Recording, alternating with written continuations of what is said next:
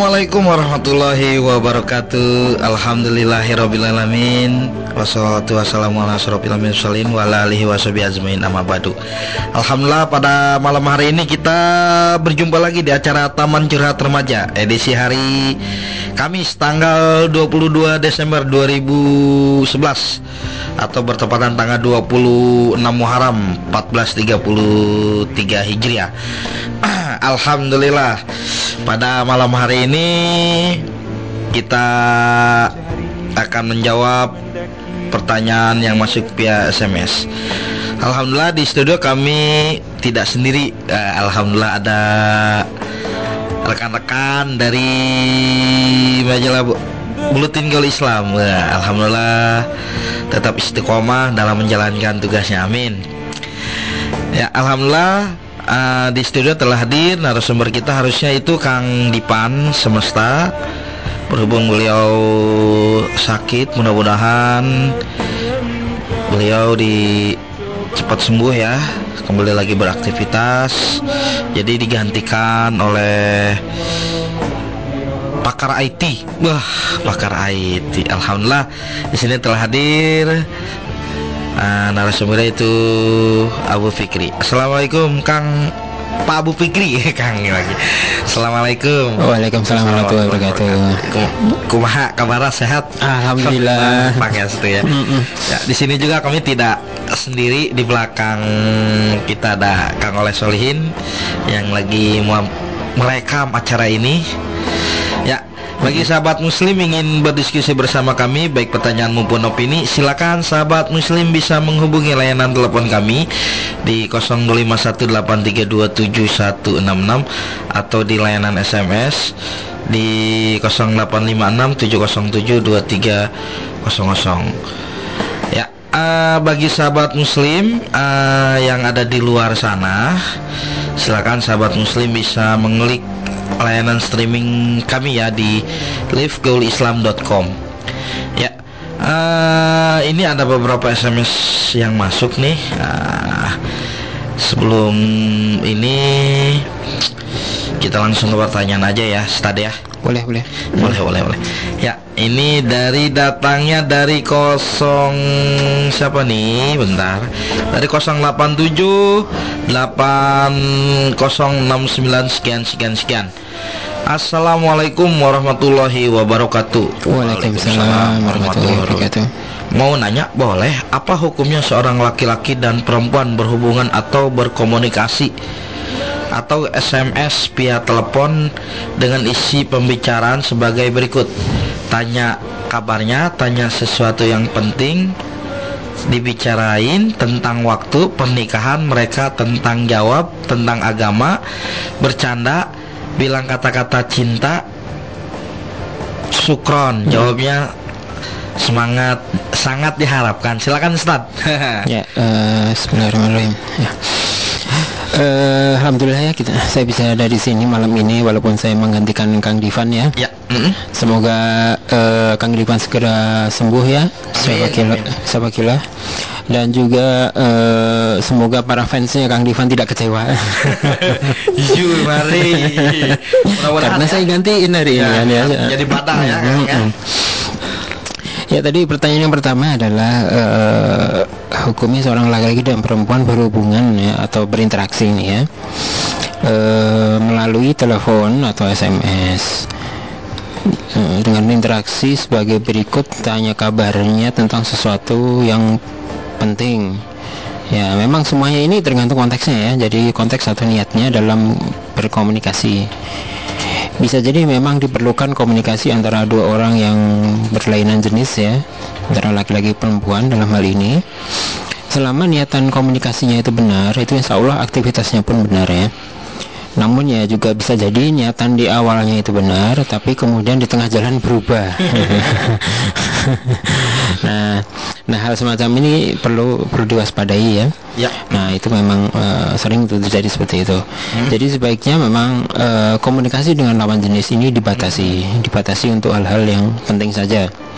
Sementara untuk hal-hal yang tidak penting, misal tanya kabar, tanya sesuatu eh, yang yang lain gitu ya. Walaupun biasanya tanya kabar itu eh, standar ya, standar opening ya. Jadi kalau kita mau memulai sebuah conversation atau pembicaraan itu biasanya kita tanya kabar dulu. Eh, gimana kabarnya? Seperti tadi kita opening acara ini gitu ya. Nah, tanya kabar itu sta- udah standar memang. Standar ya. Standar, tapi eh, niatannya adalah opening ya, itu jelas ya niatannya. Tapi kalau nggak ada niatan tertentu, tahu-tahu tanya kabar ya kadang-kadang bingung juga gitu kan. Jadi kalau memang eh, apa? Niatannya baik ya insya Allah aktivitasnya pun benar ya.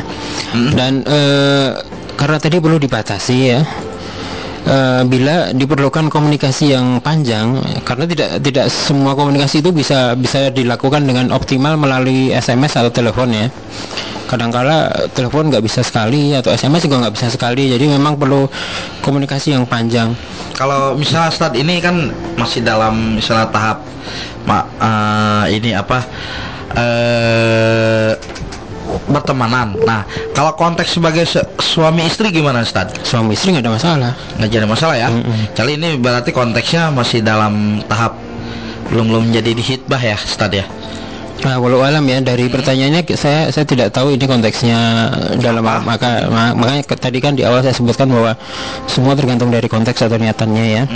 Jadi kalau memang komunikasi yang diperlukan tersebut tadi saya lanjut sedikit kalau tadi diperlukan komunikasi yang panjang atau lebih dari sekali untuk berkomunikasi sebaiknya diarahkan ke teman yang yang bukan lawan jenisnya gitu ya. Jadi misal kalau ditanyai pendapat mengenai pernikahan atau apa dan sebagainya, mungkin diskusinya lebih enak dengan eh, kalau perempuan ya sama perempuan awat dengan awat itu, ya, hewan dengan hewan gitu ya. Jadi eh, kalau memang diperlukan diskusi antar keluarga, nah itu ngajak mahram masing-masing gitu ya. Jadi eh, eh, sebaiknya komunikasi ini diarahkan untuk eh, apa eh, lebih lebih positif gitu ya. Eh, jadi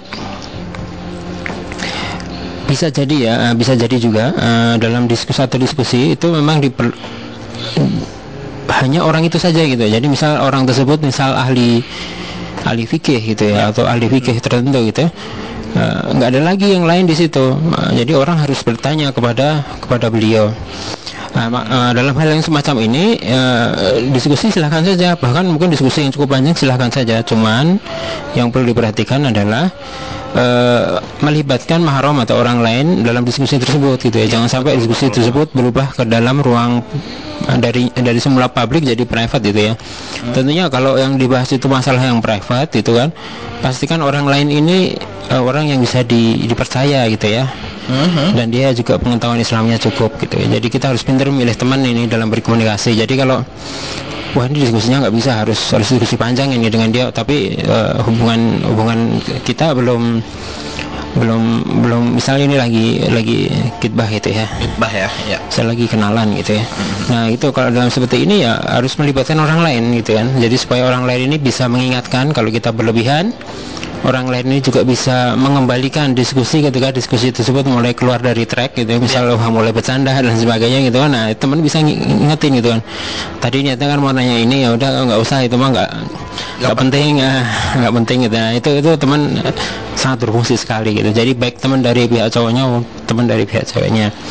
Jadi dalam hal ini eh, interaksinya yang harus di- di- dijaga dijaga se- seoptimal mungkin. Saya rasa itu aja Ya, mudah-mudahan hamba Allah ya di ini nggak tahu ahwat nggak tahu ah, ahwat ya kayaknya ya. Apa hukumnya seorang laki-laki? Eh, ahwat ya berarti bukan ihwat. Ya, mudah-mudahan jawabannya sangat puas ya. Nah, ini start dari siapa nih? Dari kosong ada SMS dari yang masuk langsung di 0856 707 2300 formatnya MALS spasi pertanyaan kirimnya ke 0856 707 2300 nah ini ada SMS dari 08965 35 38 sekian sekian sekian Assalamualaikum warahmatullahi wabarakatuh Waalaikumsalam warahmatullahi wabarakatuh. Kru Mas FM gimana sehat? Alhamdulillah sehat. Pak Ustadznya sehat? Alhamdulillah. sehat. Saya mau bertanya, kenapa ya Pak saya sangat sulit untuk terbuka sama orang tua untuk menyampaikan masalah munakat mu, munakatnya. Ah, ini Ustaz. ya. Ya.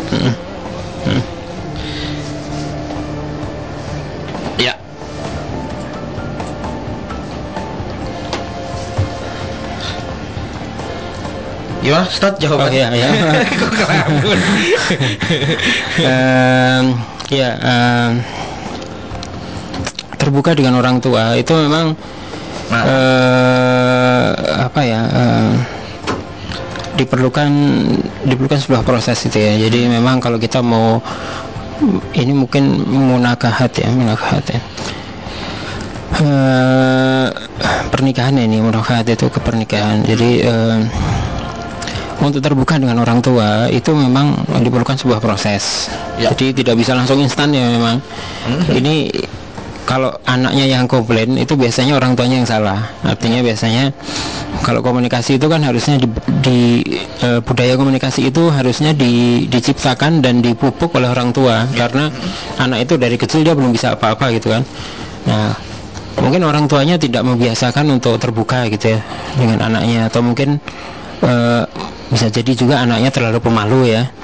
Nah dalam hal ini memang eh, untuk terbuka itu memang diperlukan prosesnya. Yang pertama adalah eh, kalau ini masalahnya muna, munakahat ya eh, atau pernikahan eh, kita harus harus paham dulu ya paham dulu yang dipahami pertama adalah bagaimana konsep menikah itu dari sudut pandang orang tuanya apakah konsepnya sama dengan konsep anaknya? Hmm? ini harus dipahami dulu. Jadi anak itu harus tahu ngecek dulu. Ini disebut sebagai apa reality check ya. Jadi kita harus ngecek realitas yang terjadi di sekitar kita. Jangan sampai kita berasumsi. Kalau kita berasumsi bisa jadi asumsi kita salah. Jadi kita cek dulu orang tua kita itu pendapatnya seperti apa sih kalau soal pernikahan gitu ya? Oh ternyata pendapatnya orang tua saya kalau menikah itu seperti ini seperti ini seperti ini seperti ini, seperti ini. Nah, itu anak harusnya tahu banget gitu kan. Jadi dia harusnya sangat super duper tahu mengenai masalah hal semacam ini ya. Jangan sampai pada saat mau menikah aja dia baru cari tahu. Nah ini telat sih sebenarnya ya. Jadi dia harus dari awal tuh tahu gitu kan. Jadi orang tua saya itu seperti apa? Kalau nanti urusan menikah dia akan seperti akan gimana gitu ya. Ya. Nah, apa yang menjadi menjadi hal yang penting bagi orang tua saya? Ada orang tua yang menyarankan oh, an- anak saya harus menikah dengan seperti ini seperti ini, seperti ini gitu ya. Ada juga eh, apa bagaimana eh, ada juga yang eh, berkeinginan kalau anaknya itu harus eh, atau calonnya harus seperti ini seperti itu dan sebagainya. Nah, ini jadi pertama kita ngecek dulu pemahaman orang tua kita apa toh itu pernikahan? Yang kedua adalah pemahaman mengenai kebahagiaan. Ya. ini ini lebih mendasar lagi. Jadi apa toh yang dianggap bahagia sama orang tua kita? Mhm. ada orang tua mendefinisikan bahagia itu adalah semuanya pribadi gitu ya. Mobil pribadi rumah pribadi semuanya itu ukurannya berupa materi duniawi. Ya. itu dianggap sebagai orang tua kita sebagai eh, apa? Eh, kebahagiaan. Nah kalau kita mampu katakanlah ya punya rumah juga nggak ada salahnya ya punya kendaraan juga nggak ada salahnya. Ternyata kita mampu mencukupinya ya itu insya Allah ya. Kalau kita sudah mampu kita ngomong ke orang tua kita "Eh, saya mau menikah ini gitu ya. Saya sudah pengen menikah kebetulan ada calonnya misalnya seperti itu saya rasa nggak akan ada masalah Ya, betul. saya rasa seperti saya ya. Duh, Masih hangat-hangatnya. ya, Mudah-mudahan. jadi jadi jadi mm, eh, perlunya di sini adalah menyamakan persepsi kebahagiaan dulu antara orang tua dan anaknya, terutama dalam hal pernikahan. Jadi kita tahu oh nanti orang tua kita tuh ridho ikhlas gitu ya dengan eh, dengan pernikahan kita, kita pun juga nikahnya enak gitu ya.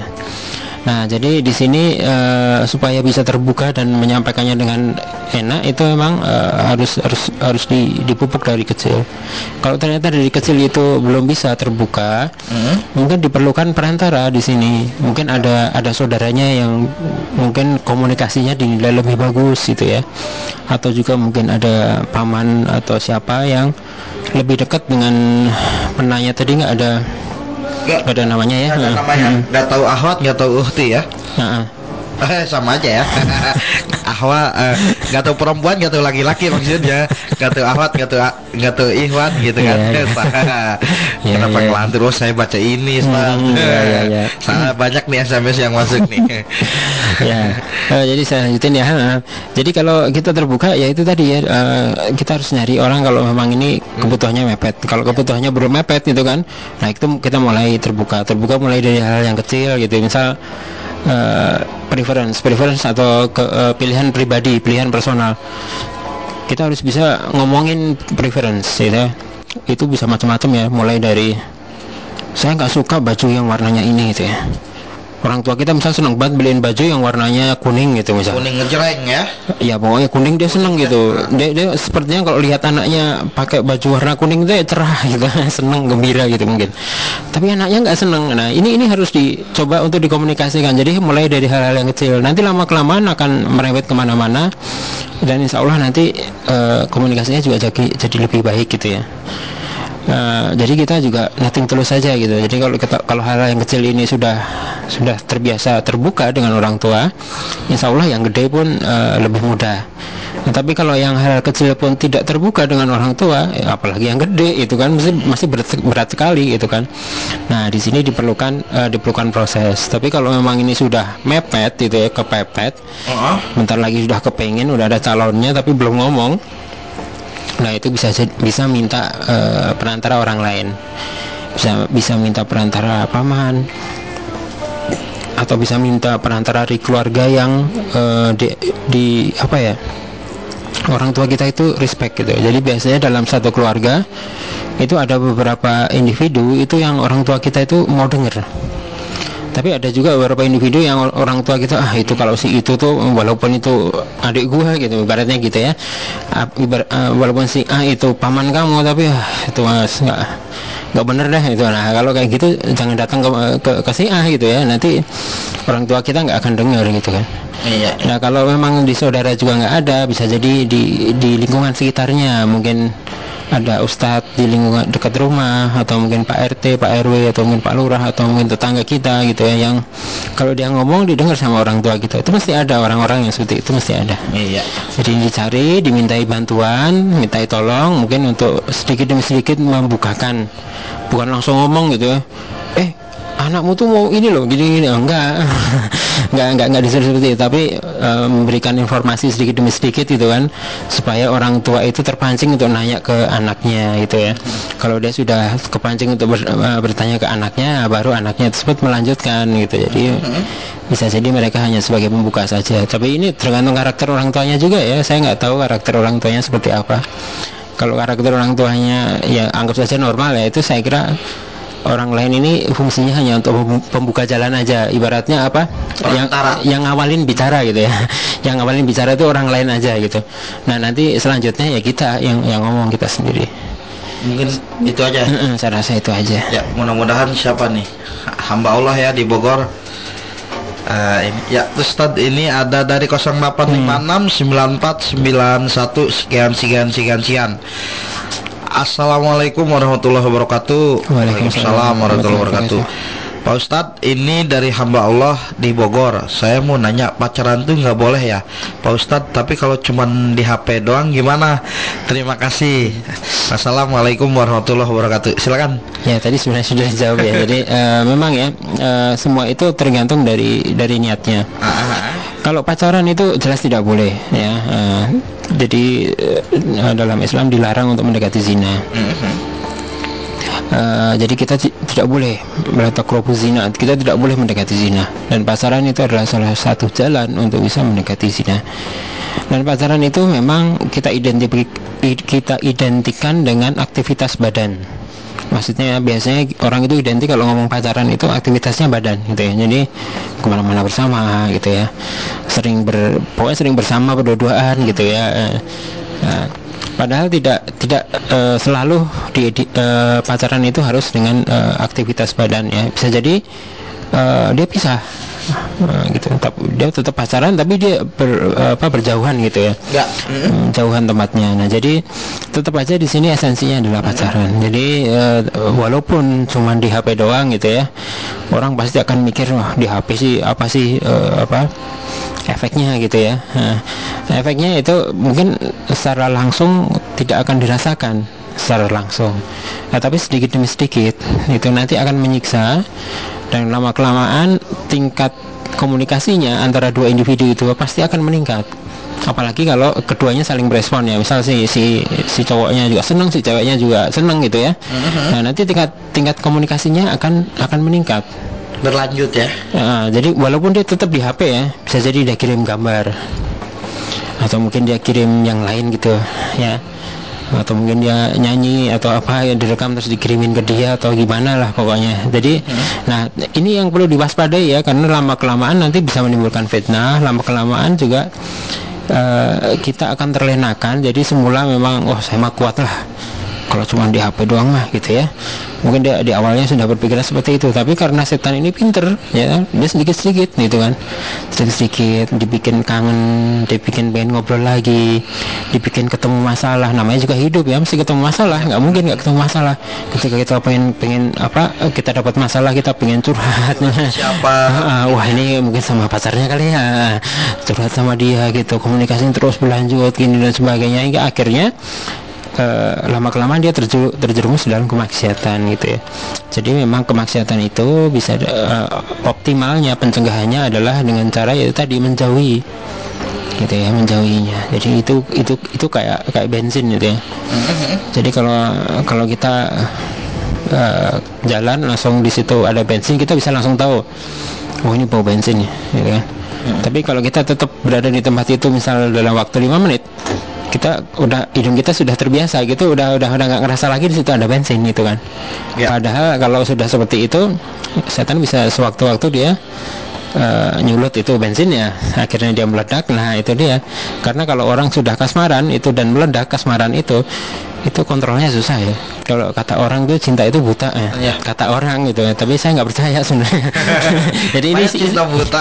istilah saja gitu karena ya. Hmm. ketika kita cinta tetap tetap lihat pasangan kita nggak mungkin ya jadi tetap tetap milih ya orang sebisa mungkin dia akan akan milih itu, walaupun mungkin pilihannya terbatas Iya. jadi di sini eh, saran saya adalah sebaiknya jangan jangan pacaran karena memang dilarang dalam agama kita nah eh, fokuskan waktunya gitu ya. Ini eh, untuk siapa tadi namanya? Oh nggak ada ya Mbak Allah ya Mbak Allah ya di Bogor. fokuskan waktunya untuk kegiatan-kegiatan yang lain gitu ya. Jadi waktu remaja itu eh, adalah waktu yang paling menyenangkan ya sebenarnya ya. Betul. S- mm, sangat menyenangkan sebenarnya. Dia sudah dewasa tapi belum belum banyak beban. Belum banyak beban yang di, di- disandangkan ke dia gitu ya. Masa Nah, depan masih cerah ya. Ya pokoknya belum terlalu banyak pikiran gitu ya. Nah itu sebenarnya harus dimanfaatkan se- semaksimal mungkin gitu ya. Kalau kita masih ingat dulu apa eh, manfaatkan lima perkara sebelum lima perkara itu Betul. nah Dari itu. Raihan ya. Nah itu mungkin eh, di situ kan bisa bisa kita ini ya bisa kita ambil pelajaran di situ.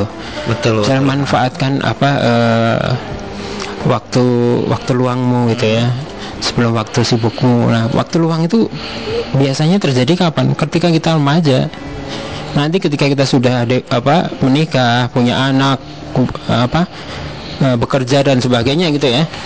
Waktu luang itu hampir susah sekali nyarinya. Kadang-kadang harus kita harus kita korbankan waktu yang lain gitu kan supaya semuanya itu terpenuhi waktunya. Jadi waktu luang itu memang paling paling bisa eh, ketika kita muda. Nanti kalau sudah mulai banyak bekerja dan sebagainya, badan juga semakin tua gitu ya, sakit-sakitan dan sebagainya. Nah, jadi sebenarnya banyak sekali yang bisa kita kita kerjakan ketika kita masih muda. Makanya jangan terlalu kepengen untuk pacaran gitu ya Mm-mm. kalau kepengen nggak apa-apa kepengen untuk untuk eh, menikah itu wajar ya namanya manusia gitu ya tapi kendalikanlah keinginan itu arahkan saja energinya ke hal-hal yang lebih positif gitu ya Ya. Mm. ya seperti melakukan eh, apa dakwah gitu ya eh, belajar agama atau mungkin ikut dalam berbagai macam kegiatan dakwah memang kegiatan dakwah itu tidak selalu harus diem dengerin orang ceramah saja ya bisa jadi kita ikutan misal setiap eh, akhir minggu ngaji gitu kan. Pertama duduk aja sebagai pendengar terus kemudian ikutan. Mungkin dia menyiapkan gitu. Kalau ngaji mungkin dia nyiapin tempatnya sama teman-teman yang lain dan sebagainya. Nanti akhirnya lama-lama akan ngejun sendiri akan nyetel sendiri. Kegiatan itu akhirnya nanti eh, kita akan merasakan bahwa eh, waktu luang itu susah banget dicarinya bahkan harus kita perjuangkan. Jadi harus kita bikin keputusan-keputusan yang yang berat gitu kan. Ini kalau nggak kayak gini saya nggak punya waktu luang lagi gitu. Akhirnya saya nggak lagi deh ini saya saya ini aja gitu kan. Nah, sehingga akhirnya kehidupan kita bisa balance. Nah, kalau jadi saran saya ke masih eh, muda itu kan ya optimalkan manfaatkan waktu itu sebaik mungkin. Ya. Ya, terima kasih eh, Pak Fikri yang telah memberikan eh, sarannya. Ya, bagi sahabat muslim ingin berdiskusi bersama kami baik pertanyaan maupun opini silakan sahabat muslim bisa menghubungi layanan telepon kami di 0251832766 atau di layanan SMS di 085670723000. Nah, formatnya MARS pasti pertanyaan kirimnya ke 085670723000. Sambil menunggu sahabat muslim eh, berdiskusi, berdiskusi bersama kami, kita akan rehat sejenak untuk mendengarkan dua buah nasid dari Raihan dan Sujana. Jangan ke mana-mana, masih setia di 106 FM, Sentrum Dawah Bogor.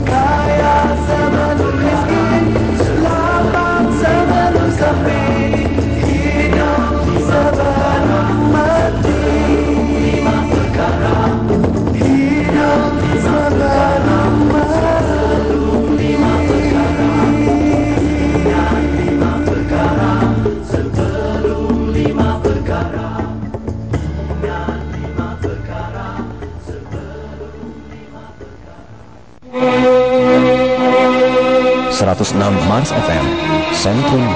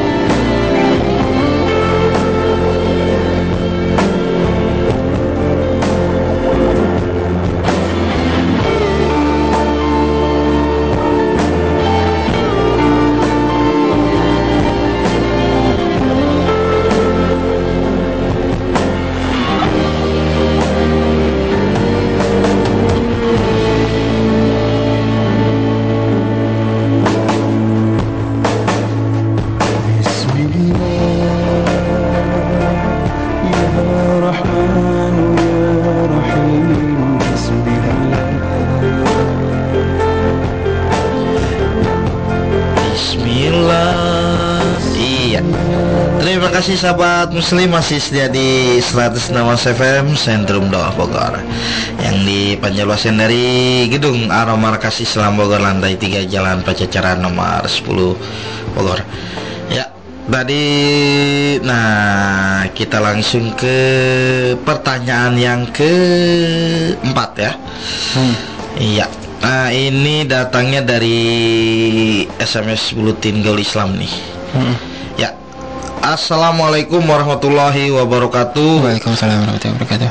Ustadz hukum musik itu apa sih halal atau haram? Adi di nggak tahu ya Adi Adi aja Mm-mm. silakan Iya, memang eh, hukum musik itu agak pelik ya dipahaminya.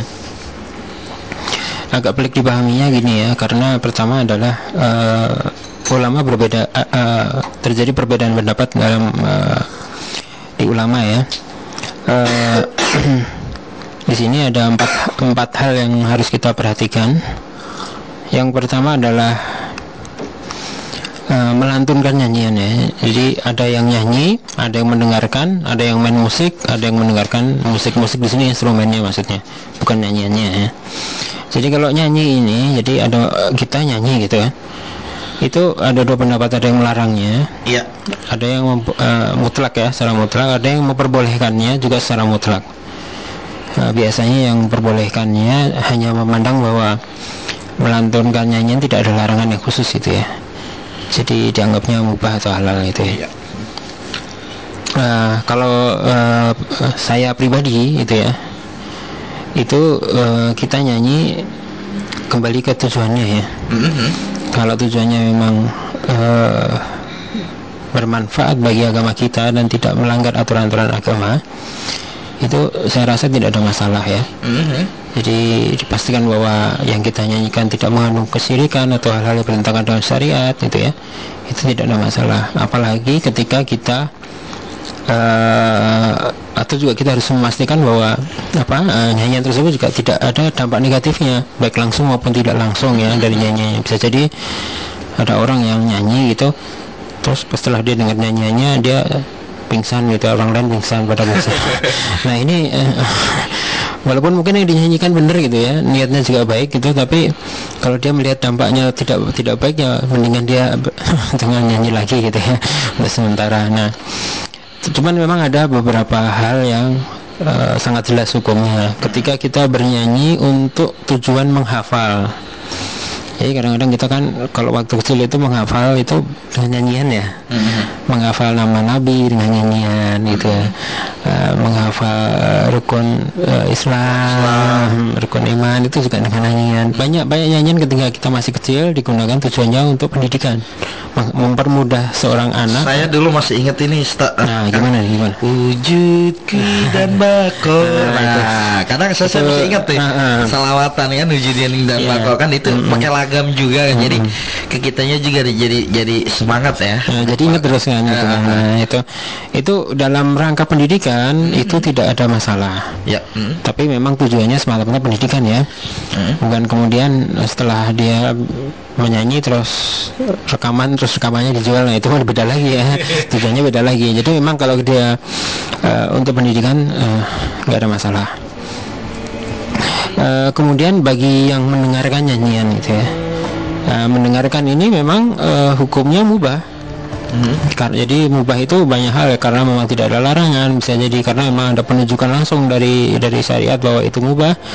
Dalam hari ini memang hukum mubah itu biasanya biasanya dipahami sebagai halal ya. Nah, tapi dalam hal ini dalam saya berpendapat tidak seperti itu. Jadi mubah ini adalah hukum dasar. Namanya juga hukum dasar ya. Jadi itu dasarnya itu jadi kita kita kita jangan selalu berpe- berpatokan pada dasarnya. Jadi eh, pemahaman mubah itu adalah eh, sesuatu yang tidak dibebankan ya. Tidak dibebankan kepada manusia gitu ya. Dalam hal ini adalah orang yang eh, orang yang sudah sudah sudah dewasa ya Eh, jadi eh, dia itu tidak wajib ya. Juga tidak haram gitu ya. Jadi eh, apa ya istilahnya itu eh, ketika manusia melakukannya itu itu tidak tidak ada tidak ada tuntunan khusus bahwa dia akan memperoleh pahala juga ketika dia tidak melakukannya itu juga tidak tidak ada tidak naon ya. Tidak ada masalah gitu kan. Nah, nah di situ itu itu disebut sebagai mubah. Ya. jadi di sini yang disebut sebagai mubah adalah suatu aktivitas yang diberikan kepada manusia untuk memilihnya. Memilih melakukannya atau untuk memilih tidak melakukannya. Yang dihisap itu adalah bukan eh, produk akhirnya dia melakukannya atau tidak melakukannya tapi yang dihisap adalah pilihan dia untuk melakukannya atau tidak melakukannya. Nah itu kan. Nah karena di sini yang dihisap adalah pilihannya itu kan. Eh, ada kaidah-kaidah dalam mubah gitu ya. Jadi tidak semua mubah itu kemudian menjadi halal seperti tadi saya sebutkan bahwa mubah ini adalah hukum dasar Mhm. hukum dasar itu namanya juga dasar ya Ya. Mhm. kita makan mubah ya kan boleh silakan tetapi kita makan makanan yang hasil colongan Ya. jadinya haram jadi sesuatu yang dasarnya itu mubah boleh dia bisa berubah jadi haram Mhm. nah eh, kita berolahraga mubah itu kan bagi orang yang sehat mubah olahraga ya. Mhm. tetapi bagi orang yang sakit dan dia hanya bisa sehat dengan cara olahraga misalnya kolesterol atau Ya. gimana gitu kan Mhm. olahraga menjadi wajib Mhm. Karena kenapa? Karena dia menjaga kesehatan dia ya kan? Makanya ya. supaya dakwahnya tetap berjalan supaya aktivitas yang lainnya tetap berjalan dia harus sehat. Mhm. dan untuk sehat itu dia harus olahraga dan segala sesuatu yang menuju pada wajib hukumnya menjadi wajib. Akhirnya yang mubah tadi berubah menjadi wajib. Dan kalau dikerjakan insya Allah mendapat pahala dari sesuatu yang awalnya mubah nah di- dari mubah di sini memang hukum yang paling pelik ya sebenarnya dia bisa berubah jadi haram dia bisa juga berubah menjadi Halal. eh, halal gitu. Nah, di sini makanya ketika kita kembali ke konteksnya tadi, tadi se- sedikit saya menjelaskan mengenai mubah. Mendengarkannya adalah mubah, memang mubah boleh gitu kan. Eh, tapi memang ada musik yang ketika kita dengarkan memberikan kita manfaat kan misal tadi gitu ya. Seperti musiknya yang baru aja diputar tadi Raihan gitu ya. Menjelaskan kita lima perkara sebelum lima perkara. Memang ada ada manfaatnya bagi kita gitu kan untuk mendengarkannya. Betul. kita dengarkan ya nggak ada masalah insya Allah.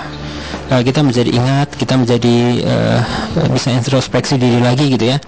Tetapi ada musik yang kita dengarkan itu kita bingung kita ngambil manfaatannya bingung. Apa ini tujuan nah misal misal musik yang paling terkenal saat ini misal di mana? Saya dengerin dari awal ini ini maksudnya apa? Saya dengerin dari awal saya saya coba cari kemanfaatannya di di situ ternyata saya tidak menemukan gitu kan ya Di mana? Di mana? Di mana? Di dia. di ente di itu juga ente nah di situ em, di sini mendengar nyanyian tersebut hukumnya jadi bisa bermacam-macam ketika kita memang em, bisa mengambil kemanfaatan bisa jadi di situ mendekati mendekati sunnah ya minimal jadi kita memang dianjurkan untuk mendengarkan hal yang baik gitu kan? Hanya hal yang baik. Kalau yang yang yang, yang tidak baik ataupun yang yang yang meragukan atau eh, di situ subhat itu ya itu kita tinggalkan. Jangan jangan kita eh, jangan kita dengarkan lagi. Iya. sementara hukum memainkan alat musik ya. Nah ini juga sama hukumnya ini mubah jadi eh, ketika kita memainkan alat musik dan ada kemanfaatannya misal kita mengiringi seseorang untuk berdakwah untuk melalui musik gitu ya itu insya Allah tidak ada masalah gitu ya atau mungkin untuk kita mendengarkan eh, instrumental musik gitu ya untuk untuk kesehatan itu misal itu juga tidak ada masalah Terapi ya. Nah, ada beberapa orang itu misal ketika dengerin musik gitu ya, instrumen biasanya Hmm. Itu jadi tenang, lebih tenang. Mungkin dia ada masalah mental gitu, ada masalah emosi kejiwaan gitu ya. Nah, memang ah, bisa juga eh, ada orang yang menyalurkan amarahnya itu dengan main musik. Nah dengan misal dia lagi wah dia lagi sebel banget hari itu gitu kan dia pengen marah pengen nonjok orang tapi dia tahu nonjok orang itu nggak boleh Hmm. ya udah dia main main gitar aja gitu kan itu tidak ada masalah sampai hilang amarahnya jadi bukan berarti ketika amarahnya sudah hilang dia terusin main gitar terus. Nah itu juga berlebihan jadinya gitu ya. Jadi eh, untuk menyalurkan amarahnya untuk meredam amarahnya juga ti- tidak ada masalah gitu kan ya. Eh, di sini eh, tapi hanya tetap hanya hanya untuk aktivitas itu saja ya. Di sini tidak ada masalah sementara tadi mendengarkan instrumen musik juga hukum dasarnya mubah gitu ya. Kita lihat lagi kemanfaatannya gitu ya. Ya. Eh, memang kalau tadi saya sebutkan untuk terapi untuk kesehatan ya nggak ada masalah ya. Kita mendengarkannya gitu. Tapi kalau kita mendengarkannya ternyata malah kita kesurupan gitu. Ke- kalau kita lihat ada beberapa pentas musik itu kan seringnya terjadi eh, pit mouse gitu ya atau mungkin orang yang loncat dari atas gitu ya terus orangnya uh, diinjek-injek atau jatuh gitu terus dia dorong-dorong di dorong-dorongan dari sini ke sana gitu kan nah itu di situ kan jelas gitu ya orang dengerin musik tapi ternyata perilakunya menjadi beringas Beringas. ya. nah itu di sini eh, hukumnya menjadi haram Kenapa? Karena ketika dia men- eh, menjadi beringas, itu kan, eh, dia merugikan orang lain, gitu kan. Betul betul. Dia bisa terjadi pukul-pukulan, gitu. Bisa jadi dia melukai orang lain, gitu kan. Jadi bisa jadi masalahnya itu jadi panjang, Panjang ya sampai baku hantam ya mungkin. Nah itu dia makanya eh, di sini hukumnya me- mendengarkan musik musik ini eh, hukumnya tergantung dari eh, tadi ya empat hal tadi hukum dasarnya adalah eh, mubah. Memang ada yang melarangnya. Benar ada yang melarangnya. Karena memang dia melihat kemudaratannya dan juga beberapa nas yang ada eh, menunjukkan demikian ya. Eh, tapi eh, dalam hal ini juga ti- tidak bisa dinafikan adanya eh, eh, kemanfaatannya ya. Ada nas-nas juga yang memperbolehkannya. Jadi ketika dua buah nas yang bertentangan ini ketemu yang satu memperbolehkan yang satu eh, tidak membolehkan gitu kan kaidahnya adalah menyatukan keduanya. Itu kaidah pertamanya. Jadi makanya eh, solusi tengahnya adalah itu tadi. Berarti musik itu ada yang boleh ada musik itu ada juga yang tidak boleh gitu kan. Nah yang boleh dan yang tidak boleh itu tadi sesuai dengan kemanfaatannya masing-masing memang ada orang yang bisa mengambil manfaat dari lirik ke satu musik. Ada orang yang bisa mengambil manfaat dari tempo atau ritme musik. Itu jadi dia nggak perlu lirik. Asalkan dia dengar musik itu pikirannya pikirannya jadi tenang gitu ya. Hmm. dia bisa konsentrasi bekerja dan sebagainya itu nggak ada masalah. Itu banyak ya kadangnya saja. Iya, tapi eh, dia dia tidak bisa tergantung sama musik juga tidak bisa, karena hidup ini tuh tidak sela- s- apa seluruhnya itu musik tidak gitu ya. Oke. Dan dan dia juga harus paham bahwa suara alam itu juga musik sebenarnya. Jadi suara Gemuruhan air. Nah, celak, nah, Celak. ya. Nah, ki- kita eh, ki- kita eh, kadang-kadang downloadnya hanya MP3 yang lagu aja kali ya. Eh, Kalau saya kadang-kadang bukan kadang-kadang saya punya banyak eh, MP3 itu Kadang gini. lagu lagu alam, suara burung Ya, gitu ya. kadang eh, bisa di kamar mandi kita baknya bocor kan suka suka ada ada tetesan airnya tuh ya kecelak. Kalau malam kan tak Hmm, tak tetesan saat itu banyak banyak itu bahkan musik juga ya. bisa bisa dianggap sebagai musik. Suara burung itu musik. Ya, sangat sangat merdu, sangat indah sekali gitu kan. Suara binatang yang lainnya juga mungkin apa kokok ayam ada yang bagus juga suaranya. Jadi eh, banyak sekali musik di sekitar kita. Jadi jangan jangan hanya terpaku pada musik yang buatan manusia saja ya sintetis tapi dengarkan juga musiknya alam gitu ya. Buatan alam ya. Mm-mm. Saya kira itu aja. Mudah-mudahan Adi di Bogor sangat puas jawabannya. Nah, ini dari siapa nih? Bentar. Kita cek dulu dari sahabat muslim mungkin ada yang SMS oh tidak ada. Eh, Assalamualaikum warahmatullahi wabarakatuh. Waalaikumsalam warahmatullahi wabarakatuh. Kak, aku mau tanya nih.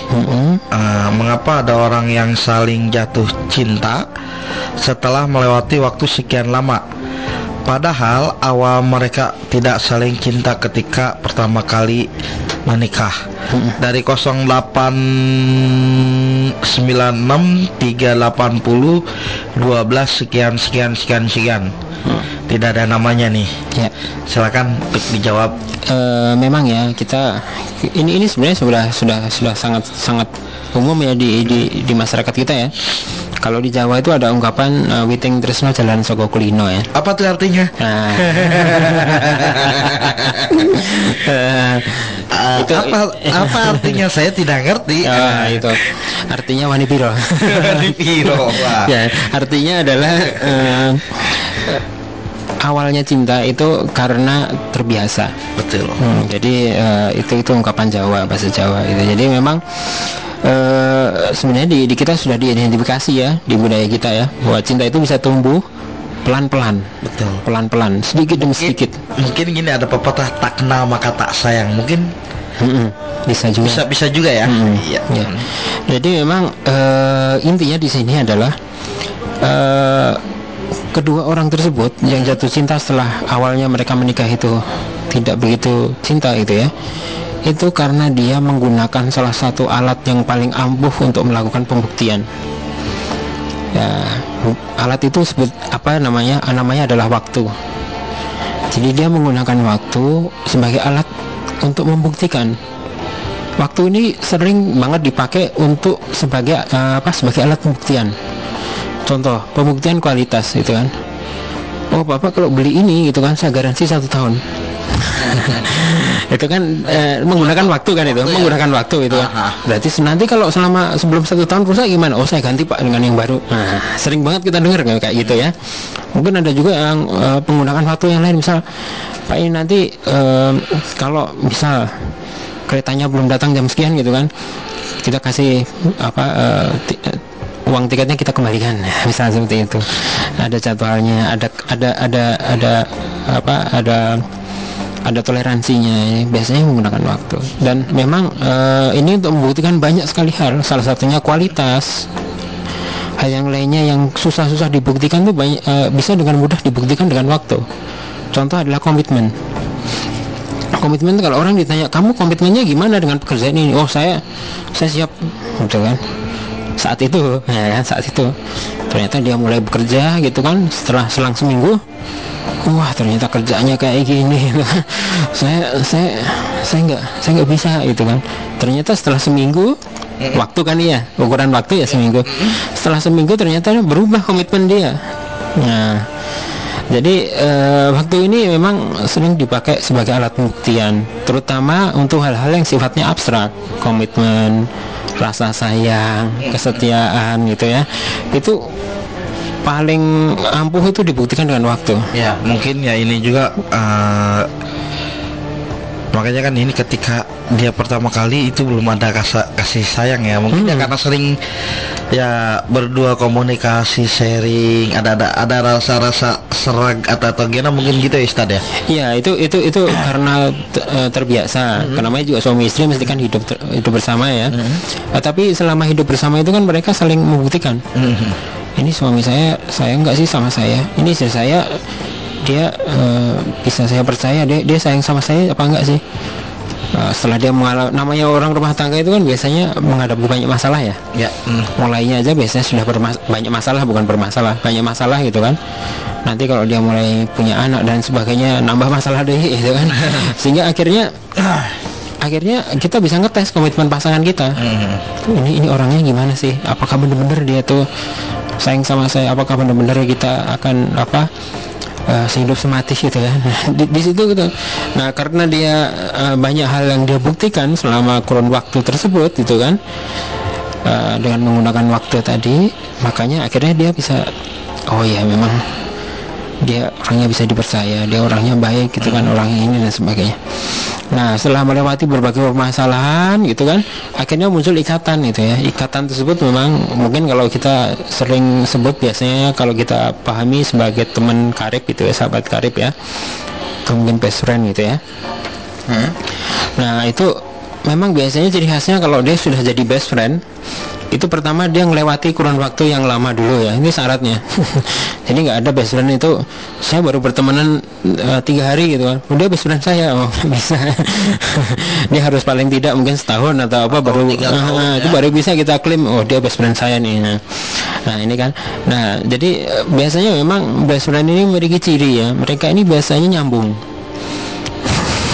ngeklik nih nyetel berdua tuh nyetel gitu Nyet- nyetel Contohnya seperti sama Kang Oleh nyetel nih. Oh, nyetel saya. Ah, nyetel. nyetel, ah. Nyetel apa Kang di belakang? nyetel ayu ting ting. Kang Oleh nyetel apa di belakang nih? Nyetel, nyetel. jadi eh, jadi memang harus seperti itu jadi memang eh, apa jadi kalau memang eh, mereka ini bisa klop apa enggak itu memang harus di, dites dari dengan dengan waktu ya nah ketika mereka memulai pernikahan itu eh, masing-masing individu mesti punya alasan ya. Misal si ceweknya alasannya A si cowoknya alasannya yang B gitu kan. Cuman dalam eh, dalam agama kita eh, Rasul sudah memberikan indikasi gitu kan ya bahwa wanita itu dinikahi karena empat perkara.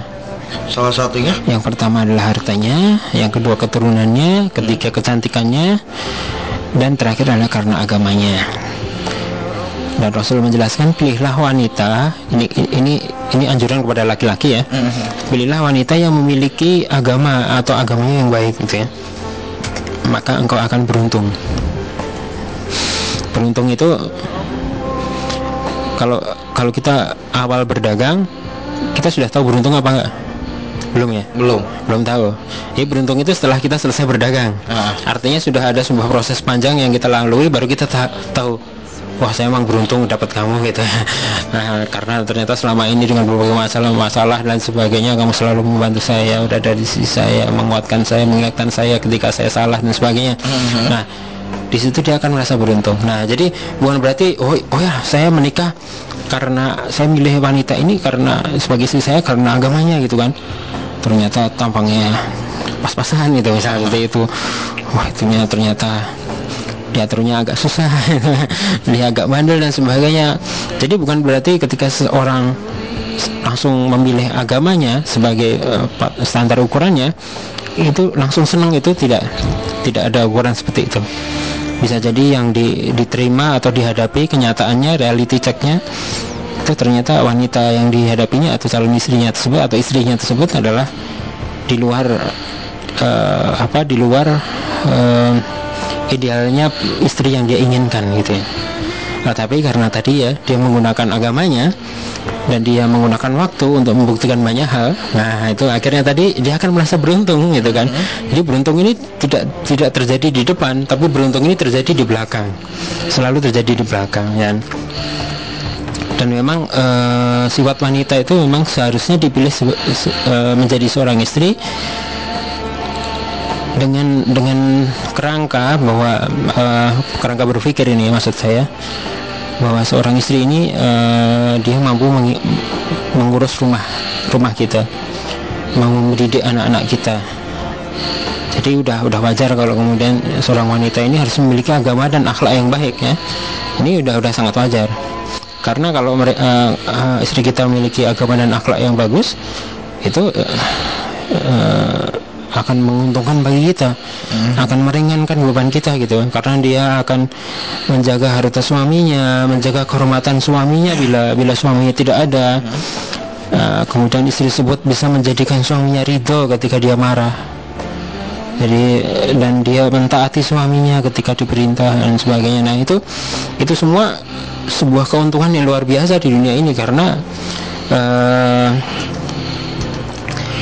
banyak sekali permasalahan banyak sekali hal banyak sekali eh, ya permasalahan ya yang harus dihadapi oleh seorang laki-laki di dunia ini ya. Untuk bisa survive saja kadang-kadang berat gitu ya. Banyak banget terus bekerja gini capek dan sebagainya emosi apa cepat terus ya bahasa Jawanya itu. Maksudnya emosi itu sedia terus itu emosi itu udah di kepala aja gitu tinggal keluar aja gitu ibaratnya. Tinggal nunjuk-nunjuk. Ah, ah, tapi ternyata dengan istri yang yang eh, agamanya baik itu insya Allah kita akan beruntung gitu ya dan memang disebutkan bahwa salah satu perhiasan dunia itu adalah istri yang solehah. Istri yang solehah iya. Iya. Eh, mudah-mudahan siapa nih? Eh, hamba Allah ya di Bogor ya. Ini terakhir mungkin Ustadz ya, Ya, kita boleh, ya. cek dulu ya layanan SMS oh, tidak ada berarti ini pertanyaan terakhir. Mm-mm. ya dari siapa nih? Hmm, dari 085217 sekian sekian sekian sekian Assalamualaikum warahmatullahi wabarakatuh Waalaikumsalam warahmatullahi wabarakatuh kalau ada temen cewek di Facebook yang genit dan suka caper, cari perhatian, apa yang harus kita katakan pada dia pada dia saat menasehatinya? Silakan. Hmm. Ya. Eh, memang ya eh, kaidahnya pertama adalah kalau dia lawan jenis ya ini nggak tidak menyebutkan ya, ya. teman kita itu tem, eh, teman cewek ini ya. Jadi kemungkinan kemungkinan ini wah, ini bisa jadi juga ya cewek ya. Jadi kaidahnya adalah kalau lawan jenis itu sebenarnya nggak perlu ditanggapi ya. Mhm. cuman kalau kita kasihan ya namanya juga teman kita gitu ya kita kasihan gitu ya. Nah kita bisa minta tolong teman kita yang lain yang satu satu jenis gitu ya. Jadi kalau misal kita misal saya cowok gitu saya punya teman sekolah cewek gitu kan. Wah ternyata dia suka cari perhatian dan sebagainya. Nah, kita kita pengen mengingat mengingatkan teman kita tersebut tapi melalui teman kita yang lain yang yang yang perempuan ya tentunya. Supaya dia meng- ngom- ngomongin ke, ke apa mengingatkan eh, teman kita itu. Jadi memang eh, dengan hal yang simpel ya karena mengingatkan itu bisa menyadarkan seorang dari kesalahannya. Ya. mm. Namun eh, perlu dipahami bahwa ada beberapa manusia ini memang mempunyai tipikal itu menyukai perhatian orang. Jadi orang ini memang dia sangat senang menjadi center of attention. Jadi dia tuh dalam satu kelompok dalam grup dia tuh pengen dia oh, seluruh grup itu ngeliat dia gitu. Ini memang ada karakter orang yang semacam ini. Jadi biasanya dia tuh menyukai aktivitas-aktivitas yang publik ya. Jadi misal ya publik aja bisa eh, pengajian atau mungkin eh, aktivitas-aktivitas yang berinteraksi dengan orang lain gitu ya. Nah ini dia memang menyukai dan dan di situ dia eh, selalu ingin menjadi center of attention. Ya, ini sebenarnya tidak tidak tidak salah-salah banget ya tidak ya. Saya ngomong ini bukan salah benar ya, tapi eh, eh, sebagai eh, apa ya memudahkan kita untuk berinteraksi dengan eh, orang seperti ini gitu ya. Iya. mm. Dan so- soalnya dulu waktu saya kuliah saya ketemu orang yang modalnya kayak gini gitu ya. Jadi selain dia menyukai tempat-tempat publik, jadi kalau ada acara publik ini, misal ada acara himpunan gitu ya, ada acara alumni atau ada acara apa, eh, itu dia selalu tampil. Tapi kalau giliran apa ngejain tugas dan sebagainya itu. Paling belakang dia kan. dia dia sepi kan pokoknya nggak ada lagi omongan dia. Kan. nah jadi eh, kalau kalau dia lagi muncul dalam kegiatan-kegiatan seperti itu fokusnya itu biasanya selalu dia. Jadi dari bahasa itu ya topik pembicaraan dan sebagainya itu mesti dia yang lead ya. Mesti dia yang pertama gitu ya dan sering kali juga teman saya ini reaksinya tuh terlalu ekstrim gitu ya. Misal tiba-tiba di tengah kerumunan misal nih lagi nunggu mau masuk kuliah gitu ya nunggu dosen maksudnya itu dia ketawa kenceng gitu semua orang jadi lihat ke dia gitu kan. Nah, terus pilihan bahasanya kadang-kadang ofensif gitu dan dia ngomongnya kenceng bahasanya ofensif gitu ya kadang-kadang agak menjorok gitu ya menjurus agak menjurus ya, agak menjurus ke hal-hal yang seperti itu. Sehingga akhirnya orang jadi ih kamu ngomongnya gitu sih gitu kan. Nah, atau mungkin malah yang lain pada di dibecandain gitu ya sama yang lainnya. Nah ini memang eh, memang ada orang-orang yang seperti ini. Nah memang Facebook eh, dan Twitter itu menjadi eh, tempat publik yang paling paling enak bagi orang-orang yang seperti ini memang. Jadi mereka sepertinya diberikan kebebasan untuk berekspresi. Kita bisa lihat di di di, di Twitter gitu ya. Itu bahasanya tuh bahasanya itu subhanallah kasar sekali. Saya saya saya yakin ya karena saya tahu beberapa teman saya yang di Twitter itu eh, dalam eh, dalam kenyataan sehari-hari itu tidak seperti itu orangnya santun-santun sebenarnya tapi nggak tahu kenapa karakter yang saya baca dari postingan dia di Twitter itu sepertinya orangnya kasar Beringas ya. Oh, jadi kalimatnya itu frontal. ah, lu ngapain lu ini? Pokoknya eh, sepertinya sepertinya ada sesuatu yang lepas gitu ketika ketika dia berada di social network gitu ya. Jadi memang eh, orang-orang yang semacam ini memang perlu diingatkan, memang diingatkan. Nah, bagaimana caranya? Yang pertama ya tadi ya kita ingatkan bahwa dia terlalu berlebihan. Oke, Anda boleh berekspresi tapi jangan berlebihan. Itu yang pertama. Iya. Yang kedua adalah kita harus bersabar karena biasanya kita menghadapin ego ya kalau kayak ini kita ngadepin ego seseorang jadi kita harus sabar ini. Yang kedua eh, yang selanjutnya biasanya kita juga harus berusaha untuk berteman dengan dia untuk bisa ngatur ya. Iya. mm. Nah, dari beberapa kasus semuanya teman saya itu kesimpulan saya ini sebenarnya kalau saya ketemu orang yang modal seperti ini itu biasanya biasanya dia itu orangnya jujur apa adanya terus terang gitu ya Nah, dan biasanya eh, saya menemukan orang seperti ini tuh biasanya dia tuh bingung dan merasa gimana ya merasa ada sesuatu yang ditakuti gitu biasanya. Wah nanti gimana kalau orang nggak mandang saya? Oh gimana? Biasanya orang itu tahu saya sebagai misal ketua angkatan gitu ya. Atau jadi dia dia merasa insecure gitu. Nah, sebenarnya ya, biasa aja kali ya eh, gitu ya. Nah jadi tapi ketika orang-orang memberikan perhatian orang-orang oh, teman-teman kita memberikan kasih sayang mungkin ya perhatian itu orang tersebut jadi biasa lagi. Dia jadi dia jadi nggak apa dia jadi nggak cari perhatian lagi gitu nggak nggak lagi genit dan lain sebagainya. Nah di sini kita harus harus bisa menjinakkan memang ya eh, perilaku seperti ini dan eh, kalau kita masih sekolah itu ya itu tempat yang sangat menyenangkan untuk bereksperimen. Kalau udah gede kayak gini eh, kita kan temen aja jumlahnya sedikit gitu kan ya. Gimana saya mau eksperimen? Justru eh, dulu waktu saya masih sekolah justru di situlah tempatnya saya bereksperimen dengan teman-teman saya gitu kan. Ini kalau ini diginiin gimana orangnya? Wah ini diginiin gimana? Kadang dia benci saya itu marah dan sebagainya. Tapi di situ justru saya jadi bisa paham bagaimana memahami karakter orang gitu kan. Oh ini nih seperti ini ini seperti itu dan sebagainya nah ini harus dimanfaatkan gitu ya. Dimanfaatkan dalam arti yang baik ya bukan dalam arti yang buruk ya. Karena memang eh, sangat tipis ya itu bedanya di situ. Nah di sini eh, tadi ya kembali eh, intinya adalah kita ingatkan eh, dan orang yang memiliki sifat yang ingin diperhatikan atau ingin sebagai center of attention gitu orang pengen sekali point of view-nya itu selalu dia gitu kan itu berarti ada sesuatu yang ingin dia raih gitu ya oh ya saya juga ingat dulu pernah saya punya klien itu seperti ini gitu kan. Jadi sampai-sampai saya bisa mengidentifikasi ternyata dia tuh saingan sama stafnya sendiri gitu. Ya Allah itu kan. Padahal stafnya kan lebih rendah khususnya dari dia gitu. Ngapain dia saingan sama dia gitu? Kalau di ruang-ruang publik saja. Nah ketika di tempat formal kantor dan sebagainya ternyata dia enggak. Nah, Wah, jadi akhirnya saya ingat lagi oh ini modelnya orangnya kayak gini. Nah tapi memang benar biasanya dia orangnya jujur terus terang apa adanya dan dia biasanya dia merasa insecure akan sesuatu misalnya dia ada sesuatu yang ditakuti. Nah itu saya rasa kalau kita bisa bersabar kita bisa menjadi sahabat dengan dia itu insya Allah kita bisa merubah Iya. menjadi lebih baik gitu ya? Ya, Ustad ini eh, ada SMS masuk nih. Salam Ustad. Sal Waalaikumsalam eh, Boleh nggak kita memiliki isim atau jimat untuk pengasihan? Terima kasih Abdul Bogor. Ah, Abdul Bogor. Nah, mata Arab at get.getmail.com nah silakan. Isim atau pengasihan ya, ya itu nggak boleh. Jimat jimat. Eh, nggak boleh ya? Nggak boleh. Jimat itu nggak boleh Heeh. Heeh. jadi eh, jimat itu tidak tidak tidak diperbolehkan ya Eh, memang eh, eh, apa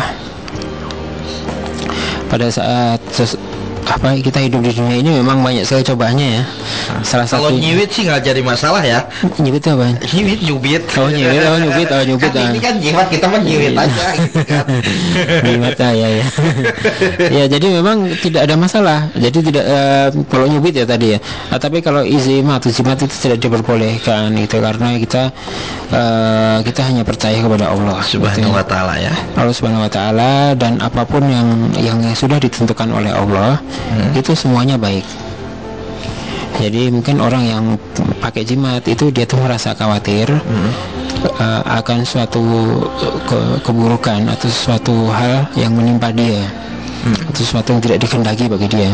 Misal dia merasa tidak aman, eh, akhirnya dia mungkin mencari jimat atau apa supaya dia bisa kebal gitu misalnya. Jadi kalau di diserang atau apa dan sebagainya eh, eh, dia bisa bertahan, dia pede lah istilahnya gitu ya, pede. Nah itu memang eh, dia harus memahami ya bahwa eh, segala hal yang nyampe di di kita itu itu baik. Yang menjadikannya buruk itu manusia. Menghadapi kita kecelakaan. Kalau kita kecelakaan, terus apa yang harus kita lakukan? Ya, kita harus introspeksi, gitu kan? Bisa jadi kita kita yang teledor, gitu kan? Bisa jadi juga ternyata setelah kecelakaan tersebut kita menjadi banyak waktu untuk bisa beribadah, banyak waktu untuk bisa eh, untuk berdakwah, gitu ya. Nah di situ eh, di situ semuanya eh, menuntut ini ya, menuntut menuntut apa ya istilahnya? Menuntut logika menuntut akal di sini. Dan ini memang tidak mudah ya. Ini apalagi kalau eh, di beberapa tempat di Jawa itu ya itu eh, isim atau jimat itu dianggapnya standar. Standar ya. Ibaratnya- Kalau ini perlu ya kita ya untuk berkendara ya. oh ya eh, STNK sama isim Isim itu surat izin mengemudi. Eh, itu kalau mengendarai memang diperlukan itu ya. Itu wajib ya. Eh, memang ada ada ininya Ada standarnya. ada standarnya betul Jadi jadi ini juga bisa tat Eh, isim surat izin memondok. ya ya ya. ya memang kalau eh, tergantung sih ya memang kalau eh, sim ini diplesetnya banyak banget memang ya kalau dia apa eh, suka mancing juga ada surat izin mancing. Surat izin mancing. karena biasanya kalau orang mancing tuh lama. Gitu. dapat sim apa enggak? Oh dapat sim. Surat izin mancing langsung Surat izin mancing. Atau kalau yang lainnya juga mungkin bisa diplesetnya nah cuman ya itu tadi ya memang intinya adalah kalau kita apa pun yang terjadi kita prinsipnya adalah baik. Ah. yang pertama yang kedua itu sudah dituliskan 50 ribu tahun yang lalu Ah. mengenai amal rezeki kita dan sebagainya. Jadi eh, kita di dunia ini tinggal menjalani saja gitu ya. Eh, apa yang sudah Allah Allah tetapkan bagi kita. Tentunya eh, ketetapan Allah itu sifatnya ada yang baik dan ada yang buruk dan kitalah yang memilihnya di sini. Nah di dalamnya termasuk soal isim dan jimat itu ya. Karena isim dan jimat ini memang sebuah pilihan ya kan? Eh, sihir itu didatangkan sebagai cobaan Betul. kepada manusia. Dan eh, dia mau yang jalan pintas atau dia mau eh, bersabar dengannya. Jadi biasanya kalau orang yang menggunakan isim atau jimat ini biasanya dia tidak sabar dia tidak tidak kurang kurang sabar sebenarnya. Jadi sebenarnya kalau dia bisa bersabar lebih lebih lebih ini lebih lama lagi itu insya Allah ya. Dulu saya pernah punya teman yang yang dia sudah tahu dirinya disantet jadi dia disantet sama orang. Dia tahu dirinya disantet dan dia menderita setiap malam. Tapi dia bersabar. Hmm. dan itu tidak tidak tidak dalam waktu yang singkat ya kalau nggak salah sekitar lima tahunan dia. Sudah salah ya lima tahun. akhirnya sanetnya itu hilang sendiri. Nah, setelah sanetnya hilang sendiri itu alhamdulillah dapat jodoh pekerjaannya lancar anak-anaknya banyak gitu ya dan sebagainya gitu. Jadi Allah itu maha adil sebenarnya. Dia eh, jadi kita kita bersa- bersabar aja dan memang bersabar itu pahit ya. Sabar itu ibaratnya adalah sesuatu pahit yang sesuatu aktivitas yang sangat pahit tapi manis di ujungnya gitu ya. Jadi kita harus bisa sampai di ujungnya supaya kita manis, bisa merasakan manisnya, jangan berhenti di tengah jalan. Kalau kita berhenti di tengah jalan ya namanya tidak sabar gitu ya. Makanya kita harus istiqomah terus-terus supaya kita bisa merasakan manisnya. Kita ada di ujung. Nah, itu dia makanya eh, kembali lagi ya kepada eh, Abdul tadi ya. Eh, sebaiknya isim sama jamat ini tidak tidak tidak tidak diperbolehkan. Untuk pengasihan ini maksudnya pengasihan itu apa ya? Pengasihan itu Soalnya sirap sirap sirap. supaya disukai gitu ya? Atau gimana?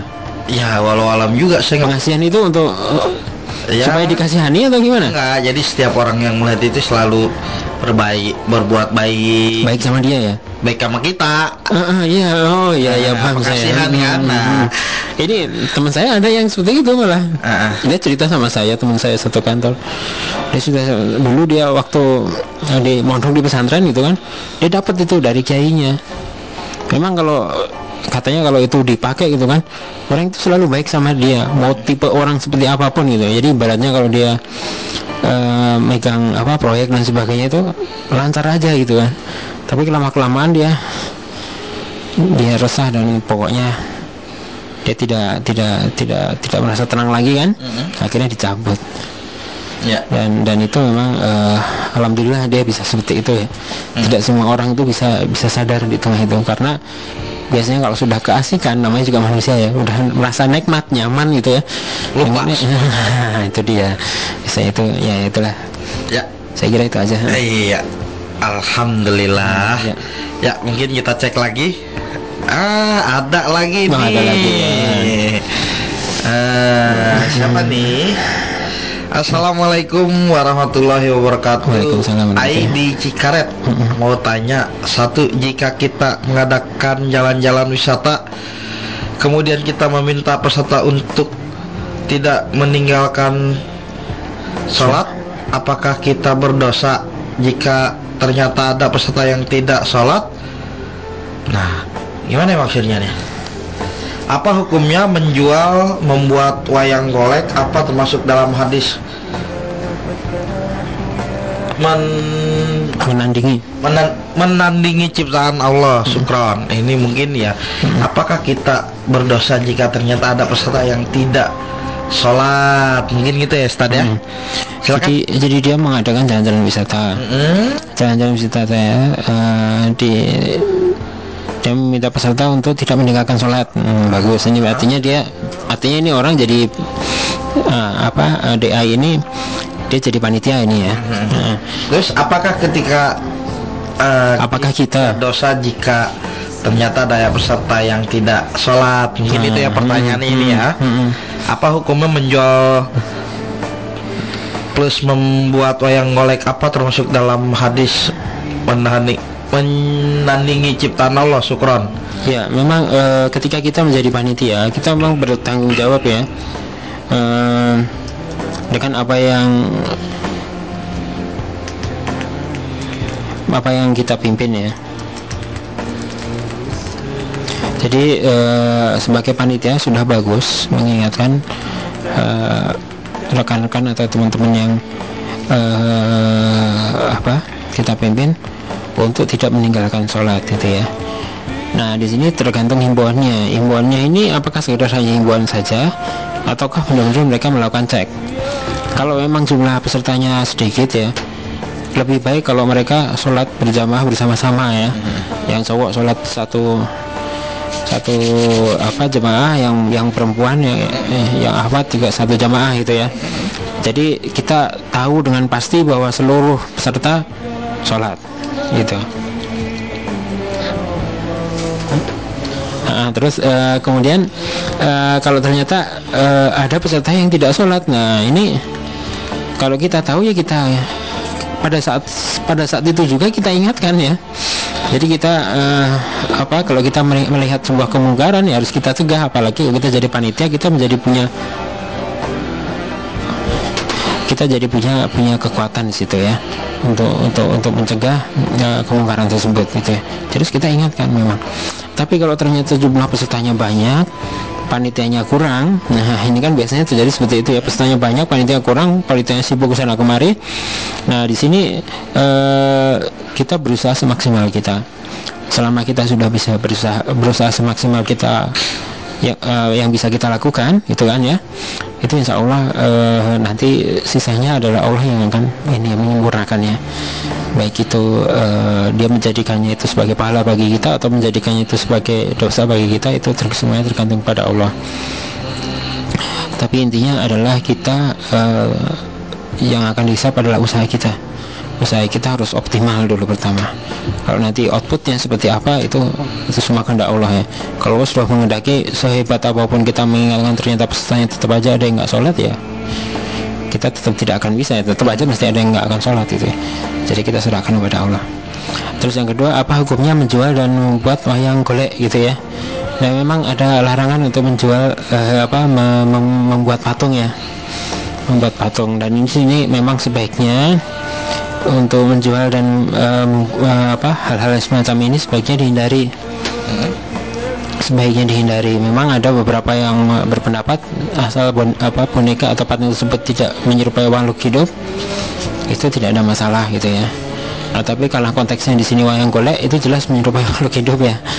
Dia menyerupai perempuan kadang-kadang menyerupai laki-laki tergantung atributnya. Karena biasanya satu wayang golek itu kita bisa langsung tahu ini cowok apa cewek itu ya ini eh, perannya serius atau eh, komedi komedi gitu ya? Jadi kita bisa tahu dari raut wajahnya. Nah, dari situ sebenarnya sudah sudah sudah jelas bahwa itu menyerupai ciptaan Allah ya.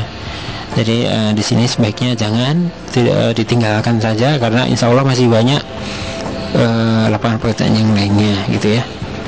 Saya rasa itu aja ya. Iya. Ya, terima kasih yang eh, terima kasih Ai di Cikaret ya. Mudah-mudahan jawabannya puas ya. Terima kasih juga kepada sahabat muslim yang telah SMS ke 106 FM maupun ke Bulutin Ngul Islam. Mudah-mudahan jawabannya sangat memuaskan. Terima kasih juga buat teman-teman yang ada di sana gitu yang mendengarkan, yang ada di di luar sana mudah-mudahan apa yang kita sampaikan apa yang kita diskusikan bermanfaat bagi kita semua terima Amin. kasih Amin. eh, Pak Abu Abu Fikri Ya, terima kasih banyak Ya, sama-sama. Eh, mudah-mudahan dan teman eh, satu lagi mudah-mudahan Kang Dipan cepat sembuh ya, Ya, bisa amin, bergabung amin. lagi ya, Ya. bersama kita bareng-bareng meluruskan dakwah kita. Mudah-mudahan cepat sembuh bisa aktivitas lagi bisa kumpul lagi bersama kita. Mudah-mudahan eh, mohon doanya buat sahabat muslim rekan saya dari uh, Bulutin Gaul Islam lagi terkena musibah yaitu sakit ya. Mudah-mudahan Allah memberikan uh, cepat sembuh ya. Ya, amin, amin. Amin. Mudah-mudahan Kang Dipan sehat selalu ya. Kita tunggu siarannya di sini. Ya terima kasih eh, Pak Abu dan Kang Oleh di belakang sana yang selalu memonitor acara kita. Terima kasih banyak Kang Oleh dan teman-teman di sana seluruh kru dan kerabat kerja mengucapkan terima kasih Eh, mohon maaf bila ada kata-kata saya baik sengaja maupun tidak sengaja dalam penyampaian materi atau tanya jawab kami dibukakan pintu. Maaf yang selebar-lebarnya. Terima kasih. Sampai ketemu minggu depan di jam yang sama di frekuensi yang sama di 106 FM terima kasih. Bila topik hidayah Assalamualaikum warahmatullahi wabarakatuh. Waalaikumsalam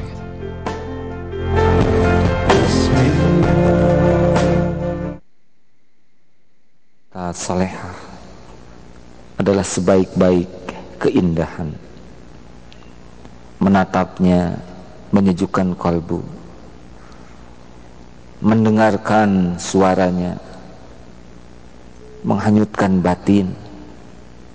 Ditinggalkan menambah keyakinan. Wanita solehah adalah bidadari surga yang hadir di dunia. Wanita solehah adalah ibu dari anak-anak yang mulia. Wanita solehah adalah istri yang meneguhkan jihad suami. Wanita solehah penebar rahmat bagi rumah tangga, cahaya dunia dan akhirat.